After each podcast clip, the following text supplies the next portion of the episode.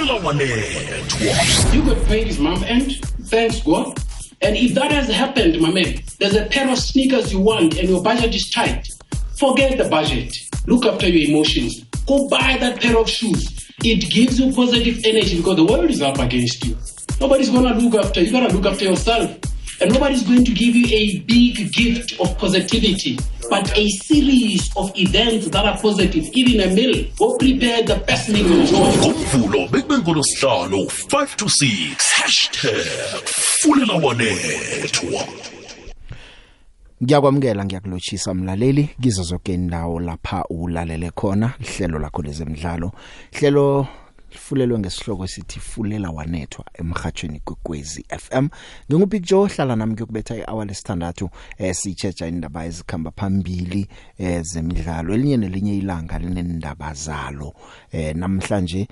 eh iMamelodi Sundowns iyogidinga ngokusemthethweni kuba zingkutani ze-league isizini le eh njengoba badlala umdlalo wabo wokugcina ngo half past 7 neMaritzburg United ngakelinye ihlangothi iMaritzburg United imidlalo la kumele badlalele istatus sabo kusho ukuthi imidlalo lo eh worth 60 million rand ngoba ukuloba lo mdlalo kusho ukuthi bayaphuma ngaphakathi kweDStv Premiership sazi ke ukuthi Mamelodi Sundowns kuza kuba ngiyo ebetha isipikiri sokugcina na namtjana bazazipha ithemba beMaritzburg United ngokuthi bawuthumbe umdlalo lo ngoba eh naba uthumbileko nokho akusho ukuthi basindile kodwa na ke eh kusabanikela ukufikela iphela vekile ukuthi bazibone ukuthi bayakhamba namtjana njani umdlalo ozowuthola la emhathweni uTays banogamela bazokuthulela wona ukusuka nokuhlala umdlalo ongo half past 7 namhlanje kodwa ke njengoba ngisitsho ke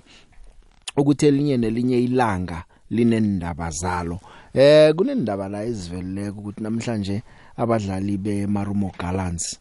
balile batho ukuzibandula bekumele bazibandule ngehour lokthoma emini lapha eRoyal Bafokeng Sport Palace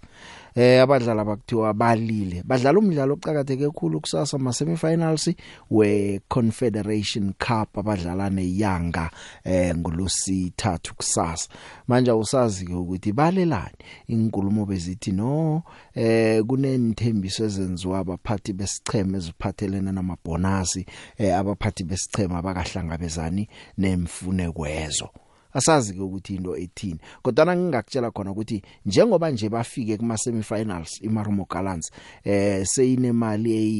eyi 8.25 million rand 8 million 250000 rand imali esele ba guaranteed ukuthi boyithola nange bangadlula baye ku final ba guaranteed 11.5 million rand nabathumbe iphaliswano i23 million rand manje asazi ukuthi indaba leyo ithini kodwa ke isicema semarumo gallants eh sikhiphe istatement statement sabo semarumo gallants eh na umuntu usicheja kuhle asala ukuthi abadlala baka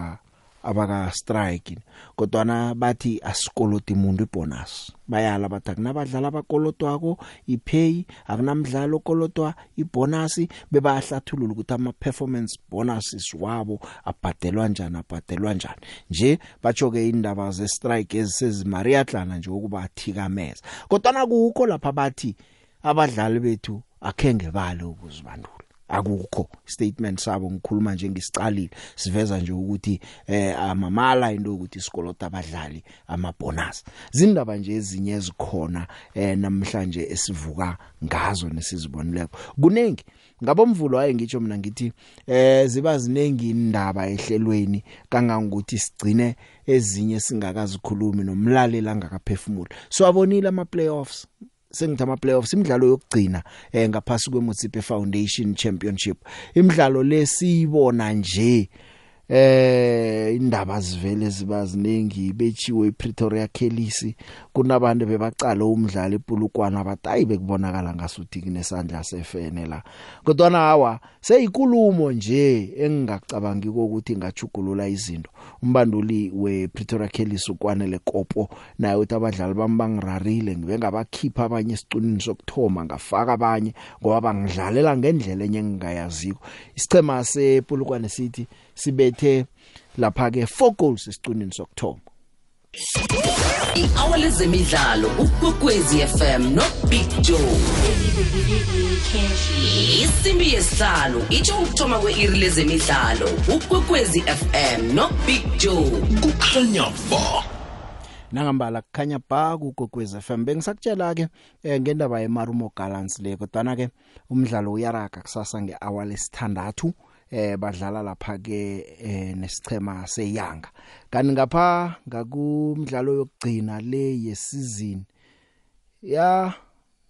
kulumo zona zikhona yazi ngiyakhanuka nangabe eh nawo nombono ngemidlalo leya yomthathu yokugcina uyibonile ungakhuluma nathi nangabe bowukhona ke mhlambe tatawini lapho ubonile nakhona sitshela kodwa na ke into engifuna uyitsho abangifuna ukukhuphula amathemba omuntu ipulukwane sithi pronyothiwe ngoba enye nenye into engakhulunywa nithi sibone ngathi abadlali abaphasele emva khulu sibone ngathi banyefisile abakunabufakazi ke obukhona obuphathe ka kungathi vele kunento eyenzekileko kodwa na ipronyothiwe ipulukwane sithi ingaphakathi kwayo eh iPSL kanike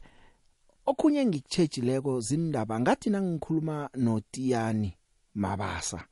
iveke pheloko lehosi wakhuluma ngendaba zalapha esichemeni se Royal AM eh aveza ukuthi ya kunabadlali abanye eh abangakazibanduli nakhona bekunemrarwana eh kwathiwa beze ngamunye ngamunye ema officeini bazokuhlathulula na usayikhumbulako inkulumo yethu leyo angazi kuliciniso kangangani kodwa na imbiko nje evela ko kulesa sichema ithu Ricardo Nascimento uLanchene Phalane nombazi Marikhotso eh bacho bakhonjwe indlela ke kulesa sichema sesiza kubona ukuthi nakuphela isizini bobani abanye abaza kukhamba manje awusazi ukuthi bakhanjiswa ngoba vele hayi eh bathi sithokozile kusele umdlalo omunye abasabalindi bacede namjana indaba yeveke pheleleko leyo ukuthi bakhe bayibamba bamba nabo bathi asizibanduli ngasuthi ligethu leyinomraro nasiza ngemmalini abaphathi bengichema kesinye isikhathi abafuna ukuvela bakhuluma amaqiniso mina vane ngithi eh abakusimhlolo kungabi nemali nasenivela nithi yongimani inyanga levele sinomrarwanyana sizakuchewa chewa mhlawumnye ke phakathi kwenyanga emvekeni emibili ezizako sakwazi ukurarulula umraro na utsho njalo ucedile ngicedile watsho njalo abakunami noma kungathiwani kusasa siyazi ukuthi awa watsho yena ukuthi inyanga le ngasuthi banomrarwanyana kodwa ningicema zonke bathi thina sijame kuhle thina sijame kuhle kodwa nekugcineni indaba zikhambe zivela kunande kuzwakala nokuthi abanye sebathengisa ke nje kuyabhala kunande kuzwakala into ezinja kuba bhlunguke nabanikazi bazo nabangakhona ukuthi bavele bakhulume ukuthi hey vele thina nje sicalene nento enje kodwa na ke sikona sibeka indlebe phansi sizazithola indaba zonke ngendlela ezingakhona sengekukhona ke nje okutsha ngizakuzwa ngawo ukuthi wena ke ekuthinda kona namhlanje okhanuka uyicoca nathi ngiyiphi kodwa ke kunenye indaba nasi engicabanga ukuthi yihle ibuya lapha ku Premier League kelamangisi eh i Premier League ivekele bakhiphe umgadangiso i-audio amaphimbo eh wengicundo ezithathwa nge VAR eh, emidlalweni eh, bawukhiphile manje angazi ukuthi mhlawumnye isizini ezako kuzakuba into ejayelekileko eh, kwenziwe namtjana njani na kokuthoma kwenzekile ke lapha ke eh, ongamela bosofengwana Howard Webber eh bekakhuluma lapha no Gary Neville no Jamie Carragher eh ngomvulo ebusuku ehlelweni labo bakhipha nomgadangisi ukuthi nizi ukuthi sofengwana lo kwenzekani nakagijima chinga lo ubiziwe ujamile baxoxe bathini bekufike kufike eh, esicunwini esinjenga leso manje ke uwebna akhuluma ukuthi man baqale ukuthi banande bayikhupha emgadangiso leyo as much as possible bayikhiphe kubonakala ukuthi kwenzekani eh mhlawumnye kodwa ke into engeke yenzeka iFIFA ngeze yavuma ukuthi bunqopha emidlalweni bese ke nithi nabajamela pha nibukela umdlalo benizwa ukuthi bathini bathini njakuthoma niphose ningakezwa nokuthi bayicedelaphi indaba kodwa ngemva komdlalo mhlawumnye ke into leyo iza kukhamba yenzeka asazi ukuthi season ezako soyibona kangangani ku Premier League eh iVAR zokhumbula ukuthi ku Premier League kwathi nakuthoma isizini ka 2019 2020 eh babe bayithoma into ye VAR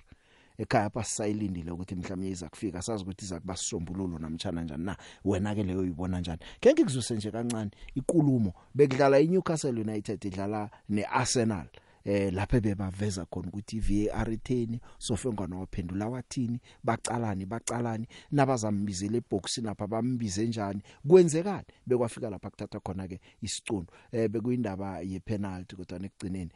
kwatholta eh, isi penalty bekudlala eNewcastle nesicema seArsenal ke uzwe nje kancane Possible offside. No. He's got possible handballs. Penalty on field. Just check. We'll check it, we'll check it for me the armies. Okay, maybe. Cab, we're just going to check the penalty for you.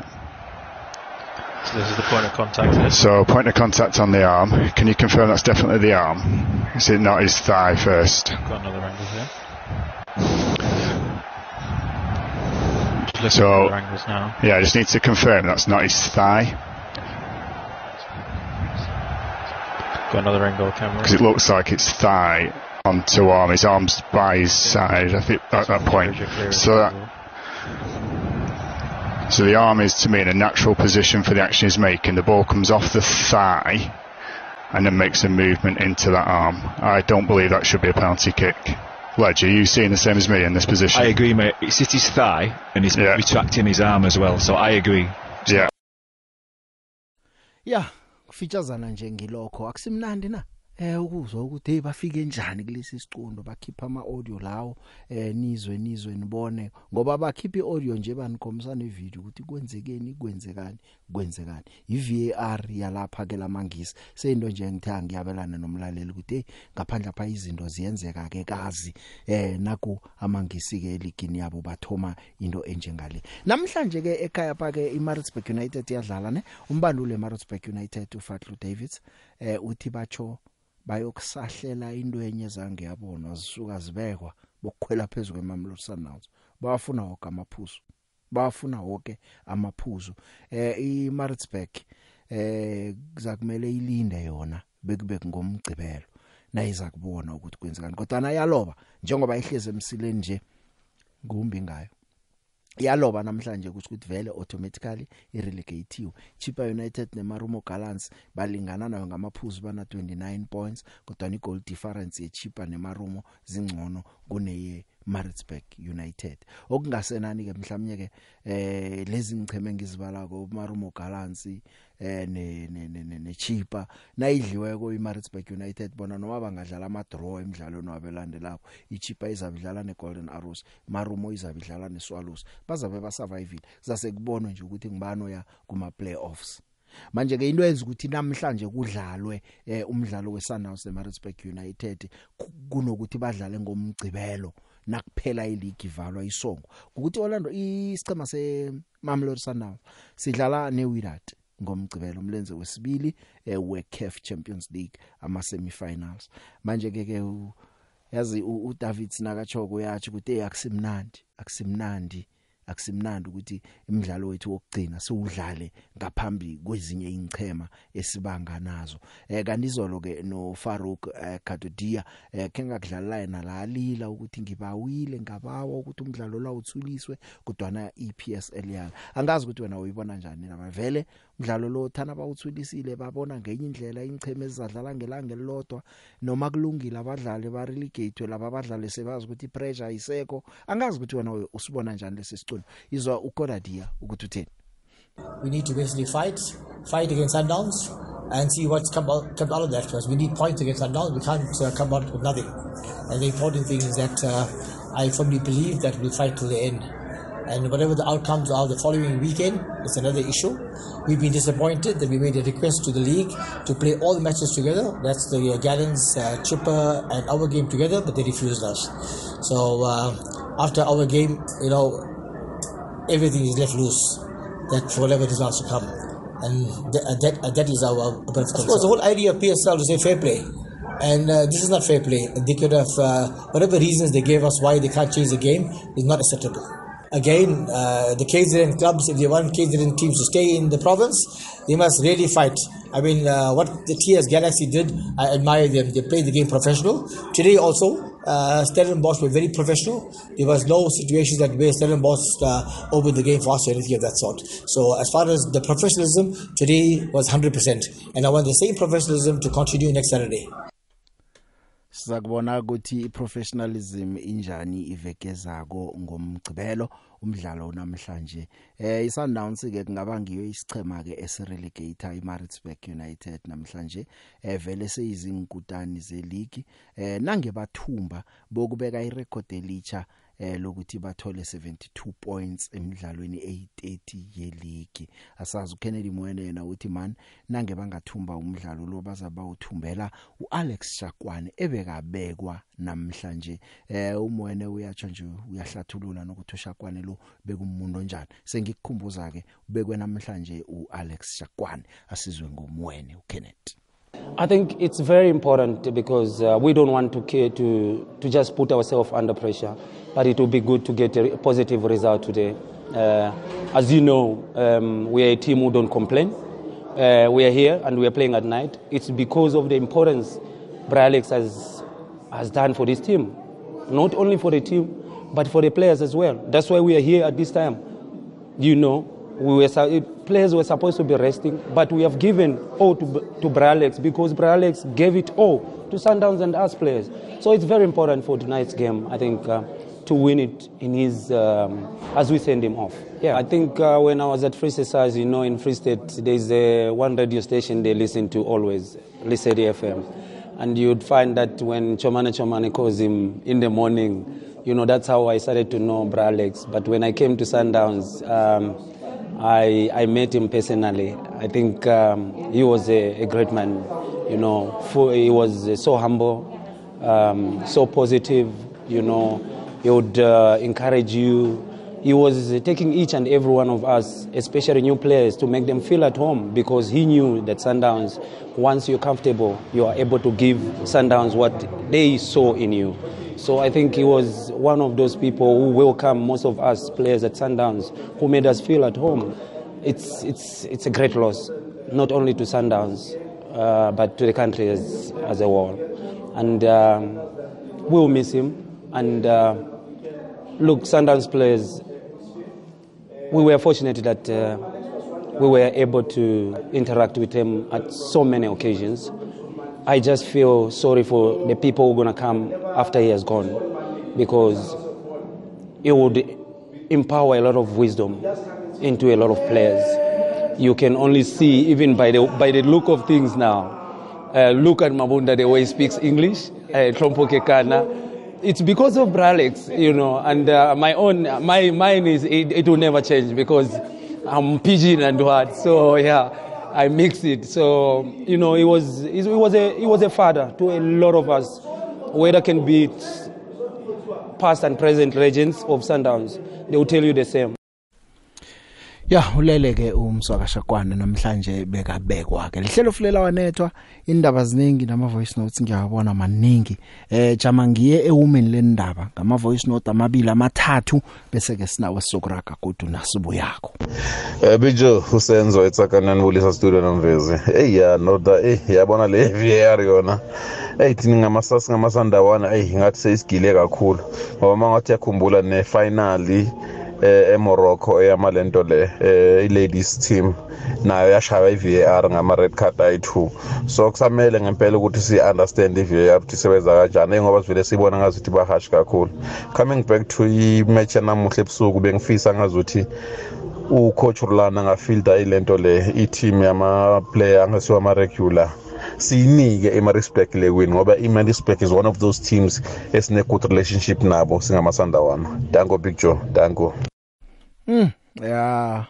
mlaleli nayo ucabanga kwakhe abaphathi besichema nesichema sokucabanga kodwa ngifuna ukubuyela kule VR yabona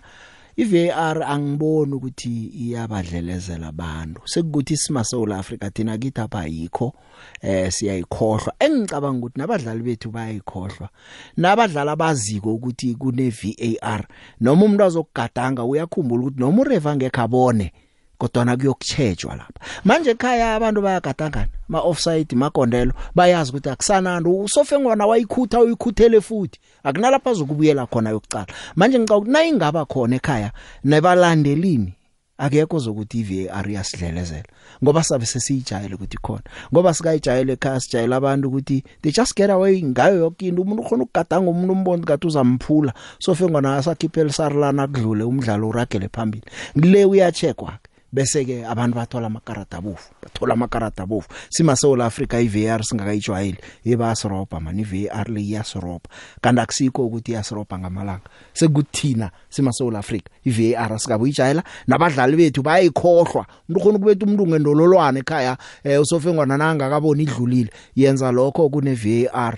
uzokubona ukuthi noma usofengwana angakaboni lokho uzokukhitshwa ngetatawini Eh Lotsha the Big ngusoendle ngapha ngeWitbank. Eh ngiyamuza u uchairman weMaritzburg United. Ya uyayibeka indaba mara ngoba ke akusakhonakala ukuthi kuchangewe. Mina ngithi abadlali ngokuzimisela bawine. Ngoba kuyose kufane nanoma kuthiwa balinda umgcibelo loyo ukuthi badlale idlale zonke ingchema. into kumele bayenze bebona kumele bayikhiphe engcondweni yokuthi bayokudlala kabuhlungu bakwenze njani okusalako is three point or nothing so abafocuse badlale bathumbe and kuyeba umdlalo obudisi orhabekileko ngoba i-sundowns i-experience eseyinayo nje ngekho ivume ukuhlala ngemuva unless kunedeal ngithokoza emnyakeni wamachumi amane wekwekwezi fm sisakulethela zemidlalo zisatshisa ngehlelo lezemidlalo fulela wanethwa ngumgcibelo omdeli idlalo i-big two and i-sundowns Eh kunjani Big Joe? Nangu nangu manqobi sandawana Big Joe. Ha ah, Big Joe eMaritzburg ke hey fike ngesikhathi esibi sifuna sifuna ukucelebrate njengama champion manje ayasina ukucelebrate ngaphandle kwewena. Hayi eMaritzburg vele Big Joe namhla siyayigubhela vele Big Joe siyayehlisa ha ah, vele iyahamba Big Joe. Hayi ngiyabonga ngiyabonga Big Joe. Thank Big. Emhathweni Luchani. ngosonto kube nethuba lokubukela imidlalo liya i-nfd liya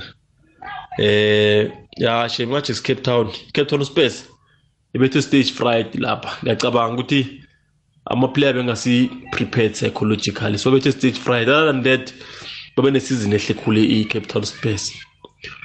eh la ngiza ku Casrick into ngibone Casrick yinye noma zimbili ukuthi i ubago i technical team akayiberegisi and that is one of his biggest downfall because uh, football is a team sport as much as uncoacha so there's a reason una-assistant coach lapha so yena ma-assistant coach bakhe babonakala angabeberegisi in fact kubonakala le game la edlala kwamhlanga leya ukuthi amaqhinga yamphelela kodwana akafuni uku-admit akafuni uku-consulta ufuna uthatha amadisisina yedwa ngoba iklabha ngiyakhe into leyo yamkhosta ubharho ubharho into ehle njengayenza the most sensible thing angayenza njengokuthi abeke phasi just for isikhatshana leso anikeze amadoda lawo ayithulawo ama-system takela ukuthi acontinue nama-playoffs la ngombana eh nakabhalelwa of which ngicabanga ukuthi angeke alunge nakakakuhamba ye-one lapha ukhoja lapha kuma-playoffs Castric izonyamalala ngeke isaba khona Castric in the next 5 years u10 years esakule so yena nje thani uadmitha athathe Paulus Mase nonthethe abanikele ama playoffs la bacedelele ukhuluma kolo kumcolisi technician losha debek mangithokozise ipulukwane sithi no matter ku ABC Muthibe kunendaba eziningi kodwa enye nenye indoda kuzibethela ngoma na ABC Muthibe ukuze kudlule kugijinyiswana amakhotho bese le into ezinye sesivelile ukuthi enye iya ekhotho indaba khona ini bafuna ukufahla ngendaba ekhotho and into leyo ilimaza ibholo lethu ngiyathokoza big show yetshe nomlaleli ukwekwez f m picture yazi ukhuluma nobaba kanaledi usokwekwezi umkhilana la isoshanguve extension 14 Big Joe yazi uzimo angibekele wena Big Joe Big Joe iqiniso uyalikhuluma yazi uthatha into njengoba injalo uthatha iqiniso libeke phambi komlaleli umlaleli sekuzaphuma kuye yazi into ikhuluma kule ye-var angeke kurobhe into le mshini angeke wakurobha big joe yokwenza into oyenzileko uqinisile na uthi ukhuluma iqiniso ekushuthi e, e, elithusako mina ngiyakuzwa ukuthi uthini nangakhe vele badlale bazi bona ukuthi i-var ikhona bangenzi indwezo angaba ngcono khulu and ungathi ngeza nalapha ku-sundowns apha umayema umgadangile tamani mara kuyaliwa picture kubeni ukuthi umntu abantu obukhipha uvula neskipa ukuthi mara ngikadangwe la tanki picture uzima ngibekele wena picture ukhuluma iqiniso khulu uyazini usiphilele sanibona big joe kwikwekwez f m uthembi kwasalo uthetha apha ealexandra um eh, ndithi wuntshu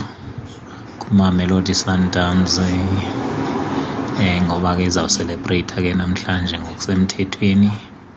um ndiphinde ndithi ewe mani ukuhamba kwa-alex xa bebekwa namhlanje ethi um ayihambe kakuhle insizwa isebenzile awu amakhosi madoda kunala ndoda le engayifuni kakhulu i-sundowns ise-deep slot yayingafuni kakhulu upitso before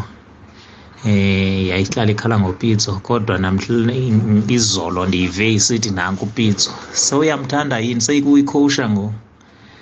mangibonge lapho inkosi big joe ngawungayidlala le vn yami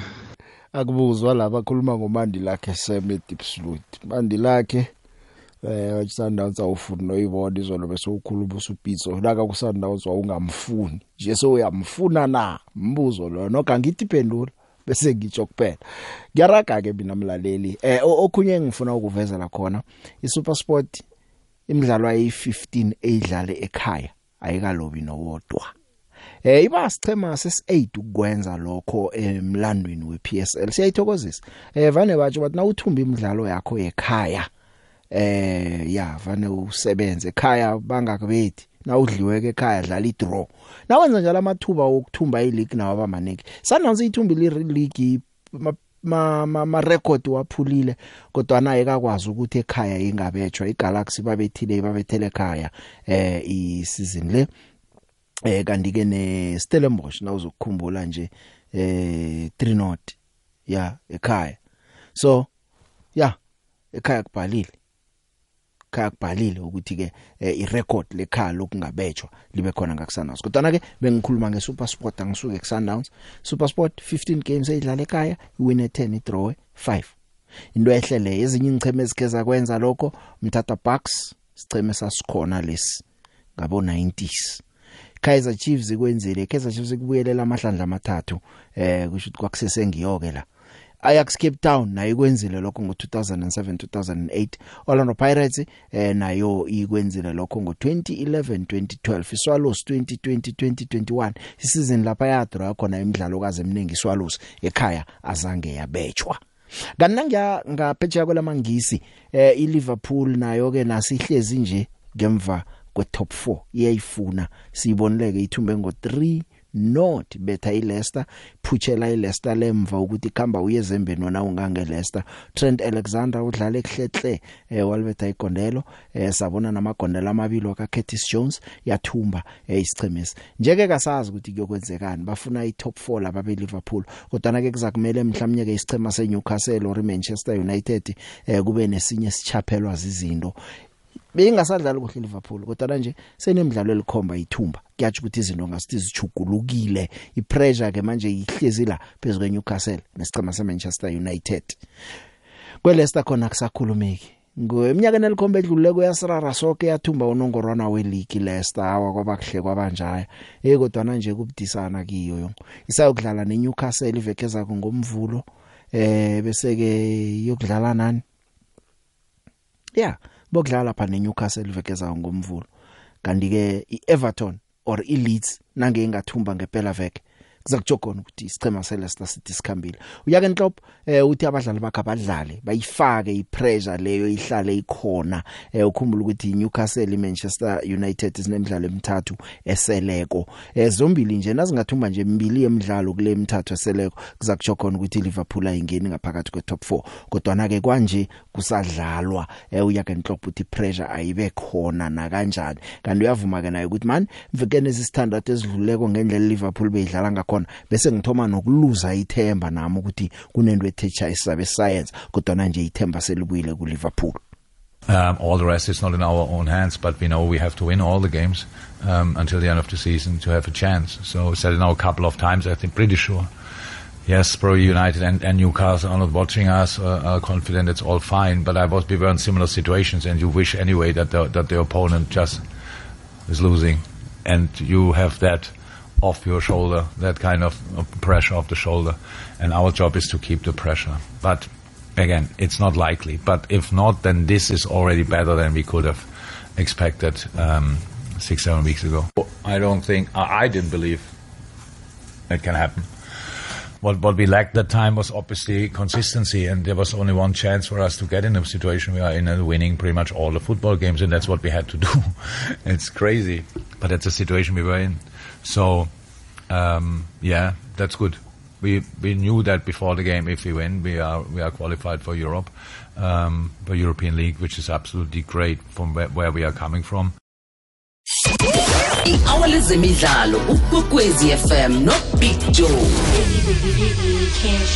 isimbi yesihlanu itsho ukuthoma kwe-iri lezemidlalo ukwekwezi fm nobig joe kukhanya ba akhona makalima eh uhlangana nabo ma abalithumi nambili abosofengwana balaye Africa bayokuphatha imidlalo ku FIFA Women's World Cup akhona ngiyakwamukela ngiyakulochisa emhathweni kwekwez FM yechema thank you so much for having me thina siyabonga nathi simaseula africa sithabe njengawe ungacabanga ukuthi ithabo ngelakho kuphela sithabe khulu um ukuthi siyokuba nosofengwana wokuthoma eseula africa oyokuphatha ibhigiri yephasi mfazi eh, onguma wena wibongo mama siyabonga we mama hayi siyabonga ubig joe ehlelweni ulela wanethwa ukwekwezi fm kumlani mahlangu ngapha eh, nge-almastrip city dr jes morok local municipality akhe ngiphawule ngale yama-recording eyi the big amaphimbo lalakazolala arehe khulu ngicabanga ukuthi into ehle khulu ababandula ngeke basalila kangako yazi kubuhlungu njani um usompempe or oh, ngisho ngithi irefri isuke le ku-d-line ize ize ndlule iye ngemva kwe-official iyoqala let lapha esikrinini ile uyakuthatha i-decision ithi le yi-penalty siyikhombe elithini yakhuluma thi akhempi yi-penalty Je, nokuthatha i-decision kuzokuzwakala kunalikhu kwamambala bebi phumulani mahlangu apha kuyalimastripsi ngithokozele shapshap sanibonani big show kukokwez f m ukhulumayo ufraser amalokishini e-ml mina big show ngiyayizwa uyayibeka ivari ukuthi angeke izirobhe umuntu yebo khona ivari ngeke irobhe umuntu ko i-team kodwa umuntu orobhayo urefree urefri lapha bashaya umbule ucaptain weWydad ngengosolwane ekhanda urefri azange aye ku-VAR abathi amaplayer ayem ukuthi hamba check azange aye ku-VAR why kwaba njalo why every foul engathi ide ibe dangerous bangayi kuyicheck thank you awuqinisile ngatsho isafika i-VAR ngathi eh ngoba ilawulwa babantu kuzakukhamba kubana kulilwa khona kodwana lapha kukhanjweko kwayo kuhlolwa kwabonakala ukuthi vele lokhu kunjalo ena kusho ukuthi ngoba barobha omunye lapha then nakusasa komunye lo yamthe sivume sithi bamrobhile nathi basoropa urong no wrong abayenzi ne right ukuthi omunye umuntu wenze wrong akuthi ukuthi noma ku right ke singasaboni ngoba ngale basidlile nge VAR or sidliwe ngusofengwana uphethe umdlalo eh sekuyangokuthi kodwa na lamilisathi nayizokufika eSouth Africa siyijayele sizwisise ngoba nokungayizwisisi okumna amanye ama comments ngiyakhona uwabona lo akayizwisisi ukuthi into lebere kanjani mhlawumbe mhlana ifike ekhaya kuza kufika la sizayizwisisa khona siyijayele nabadlali ngisatsho na nje abadlali beSouth Africa ngakubuyisela emva Happy Mashiana nakaza kuthola ikarate libovu iChiefs idlala ku kuma finals weCAF lokho kuyakujela ukuthi imidlali okhohlweke ukuthi la kune VAR asewuraga umuntu njaya ucabanga ukuthi usofengwane yokunikela ikarate elisarilana bese uyaraga nomdlalo bayabiza bathi baba izoyicala nabadlali bethu nabangakhumbula ukuthi yonke into engiyenza noma usofengwana angaka angakayiboni kungenzeka ama VAR officials ayibone abizo usofengwana elihlola bese ngithola ikarate libofu nakho lokho kuzokuphungula ukuthi abadlali bethu beSouth Africa nabadlala amaphaliswano lapha kune VAR bathathe in benze izinto abazenza kwesi ngoba emidlalweni yeleague ngisatshona nje bayakwenza ene bayadlula baphumelele ngomvulo kuhle kukhulunywa abantu bahleze emasofeni iTV bathi lapha bekumele kube ipenalty lo ulibambe ngesandla lo bamrahile ngako 18 usofengwana akakaboni in in nakune VAR indwezi njengalezo ziyaphunguka manje abadlali bekhaya bajayile ekhaya ukuthi vele ziyenzeka zokukhulunywa ngomvulo mphumela sowudlulile akusana into engenzeka bese siyaphumelela ngazo so na ingafika kubalandeli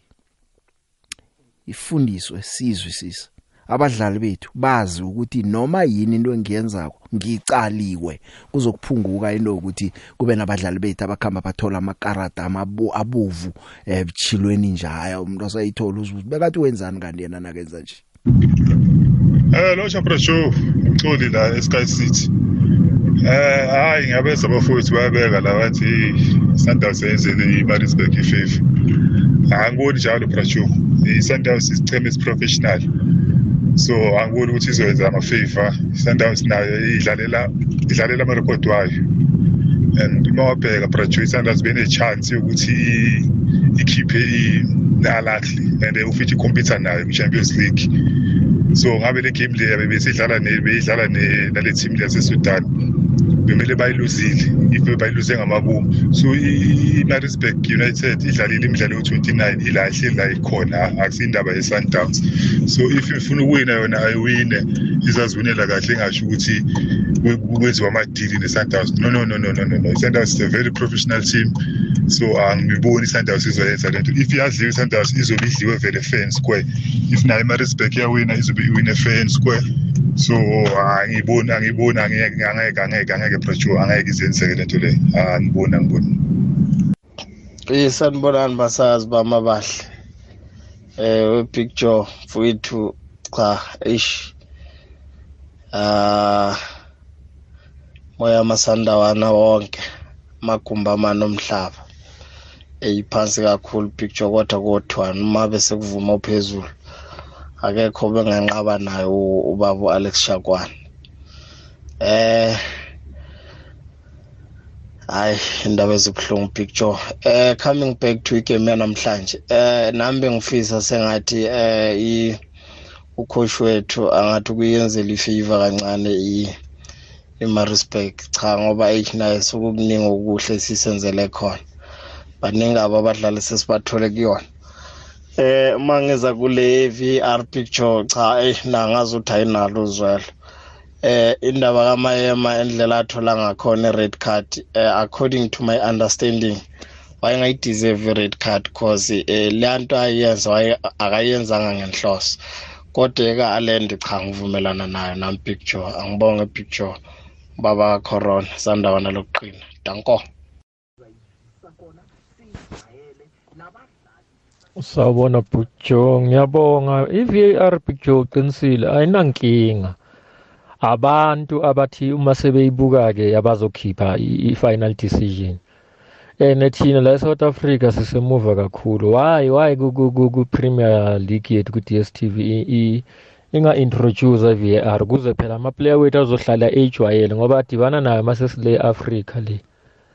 eh ngiyabonga Big Joe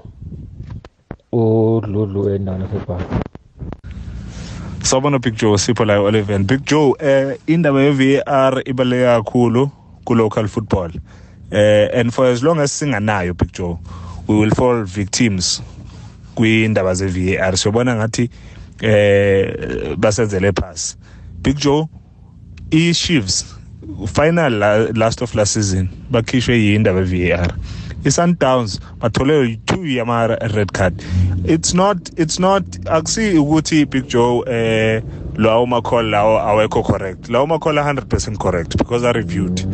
and uh, i'm so impressed nga what i EPL is doing uh, ngokufaka ne voice over so for ukuthi siunderstand at the end of the day ukuthi kufikwe kanjani kuleya call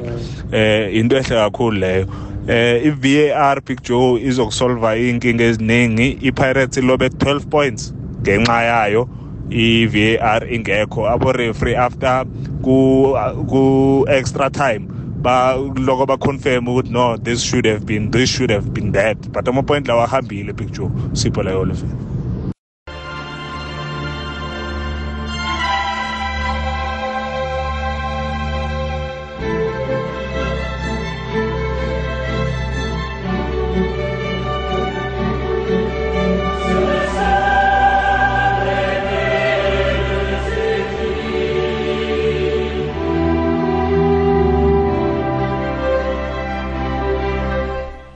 ya nawuzwa lelibika uyazi ke ukuthi hayi